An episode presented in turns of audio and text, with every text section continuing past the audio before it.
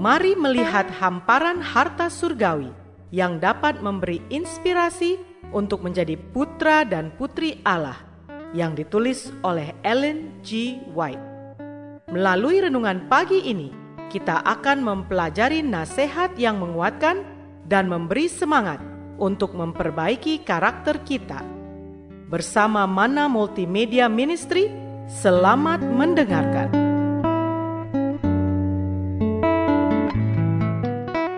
Shalom, selamat pagi saudaraku. Renungan pagi kita hari ini 13 Oktober berjudul Kita menghasilkan buah kasih persaudaraan. Bersama saya, Pendeta Andre Daembani. Ayat intinya diambil dari Yohanes 15 ayat 8. Demikian firman Tuhan. Dalam hal inilah Bapakku dipermuliakan, yaitu jika kamu berbuah banyak, dan dengan demikian kamu adalah murid-muridku. Mari kita dengarkan penjelasannya.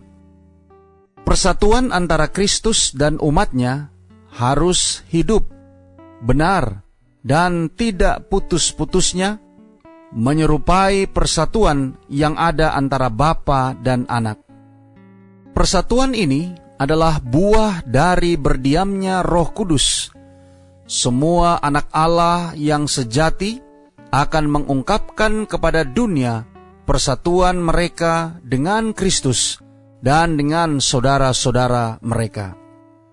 Mereka yang di dalam batinnya Kristus tinggal akan menghasilkan buah hasil persaudaraan mereka akan menyadari bahwa sebagai anggota keluarga Allah, mereka berjanji untuk memupuk, menghargai, dan mengabadikan kasih dan persekutuan Kristen dalam roh, dalam kata-kata, dan dalam tindakan.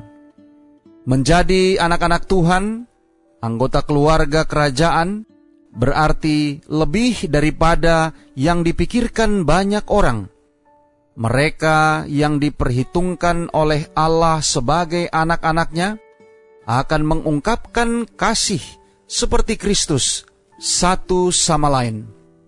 Mereka akan hidup dan bekerja untuk satu tujuan, wakil Kristus yang tepat kepada dunia. Dengan cinta dan persatuan mereka, mereka akan menunjukkan kepada dunia bahwa mereka memiliki kepercayaan ilahi. Dengan kemuliaan cinta dan penyangkalan diri, mereka akan menunjukkan kepada orang-orang di sekitar mereka bahwa mereka adalah pengikut juru selamat yang sejati. Dengan demikian, semua orang akan tahu bahwa kamu adalah muridku, yaitu jikalau kamu saling mengasihi.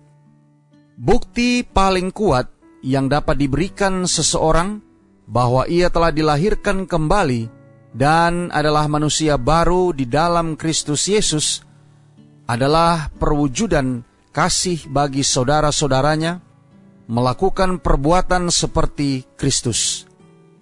Ini adalah kesaksian yang paling indah yang dapat dimiliki dalam kekristenan dan akan memenangkan jiwa-jiwa bagi kebenaran.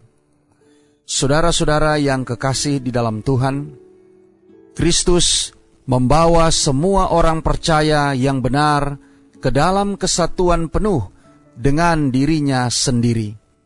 Bahkan kesatuan yang ada antara dia dan Bapaknya, anak-anak Allah yang benar terikat satu sama lain, dan dengan juru selamat mereka, mereka adalah satu dengan Kristus di dalam Allah.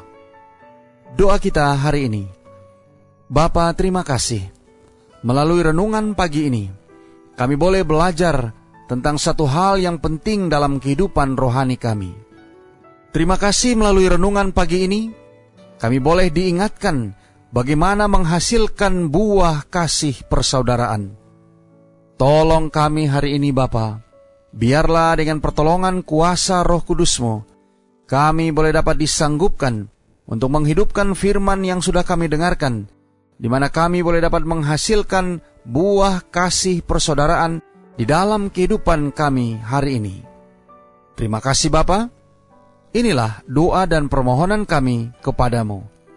Di dalam nama Yesus kami berdoa. Amin.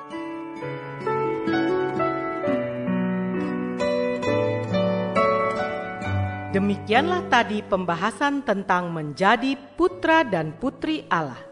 Semoga firman Tuhan hari ini menjadi berkat bagi Anda.